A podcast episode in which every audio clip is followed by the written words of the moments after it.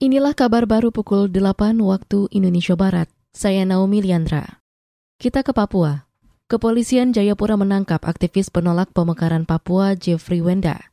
Jeffrey yang menjadi juru bicara petisi rakyat Papua ditangkap saat berunjuk rasa menolak pemekaran wilayah Papua pada Selasa kemarin. Kapolres Kota Jayapura Gustaf Urbinas mengatakan Jeffrey Wenda juga diduga melanggar Undang-Undang Informasi dan Transaksi Elektronik. Gustaf mengatakan beberapa hari sebelum unjuk rasa, Jeffrey Wenda aktif menyerukan ajakan demonstrasi menolak rencana pemekaran Provinsi Papua melalui media sosial dan selebaran.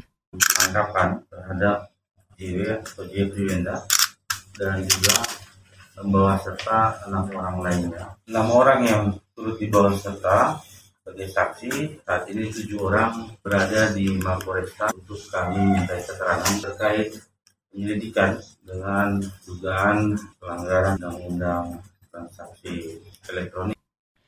Kapolres Jayapura Gustaf Urbinas mengatakan, polisi juga menangkap enam orang lain termasuk juru bicara Komite Nasional Papua Barat KNPB Ones Suhniap. Jeffrey Wenda sampai saat ini masih ditahan dan diperiksa sebagai saksi. Unjuk rasa menolak rencana pemekaran Provinsi Papua digelar di berbagai wilayah Papua. Aksi diselenggarakan kelompok petisi rakyat Papua. Di kota Jayapura, unjuk rasa dibubarkan paksa polisi saat masa berencana mendatangi kantor DPR Papua. Kita ke informasi ekonomi. Harga minyak dunia merosot pada akhir perdagangan Selasa. Harga minyak mentah Amerika berada di level terendah dalam dua pekan terakhir karena adanya tekanan akibat lockdown atau penguncian COVID-19 di Tiongkok, serta meningkatnya resiko resesi. Harga minyak mentah berjangka West Texas Intermediate untuk pengiriman Juni merosot sekitar 3,2 persen menjadi 100,11 dolar Amerika Serikat per barel. Sedangkan harga minyak mentah berjangka Brent turun 3,2 persen menjadi 102,46 dolar Amerika per barel.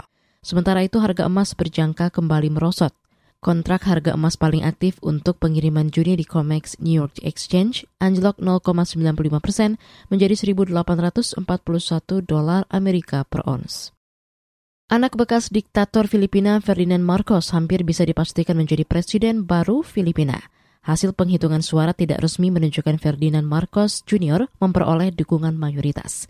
Laporannya disampaikan Jimmy Manan dari VOA. Presiden baru Filipina yang sudah hampir pasti terpilih mengatakan dia ingin dinilai berdasarkan tindakannya, bukan sebagai putra dari mantan diktator Ferdinand Marcos. Nilai diri saya bukan berdasarkan asal-usul saya, tetapi tindakan saya, kata Ferdinand Marcos Jr. dalam sebuah pernyataan selasa dari juru bicaranya Vic Rodriguez. Marcos yang nama akrabnya adalah Bongbong berbicara selagi hasil tidak resmi menunjukkan dirinya sudah meraih mayoritas suara dalam pemilihan presiden pada Senin. Menurut hasil awal ini, Marcos memiliki suara dua kali lipat dari pesaing terdekatnya, Wakil Presiden Leni Robredo. Seorang pesaing Marcos lainnya, mantan petinju Manny Pacquiao, tertinggal oleh kedua kandidat itu dan sudah mengakui kekalahannya.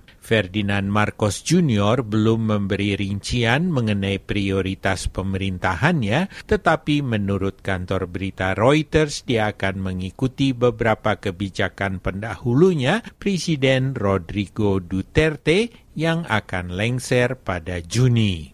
Demikian kabar baru KBR, saya Naomi Liandra.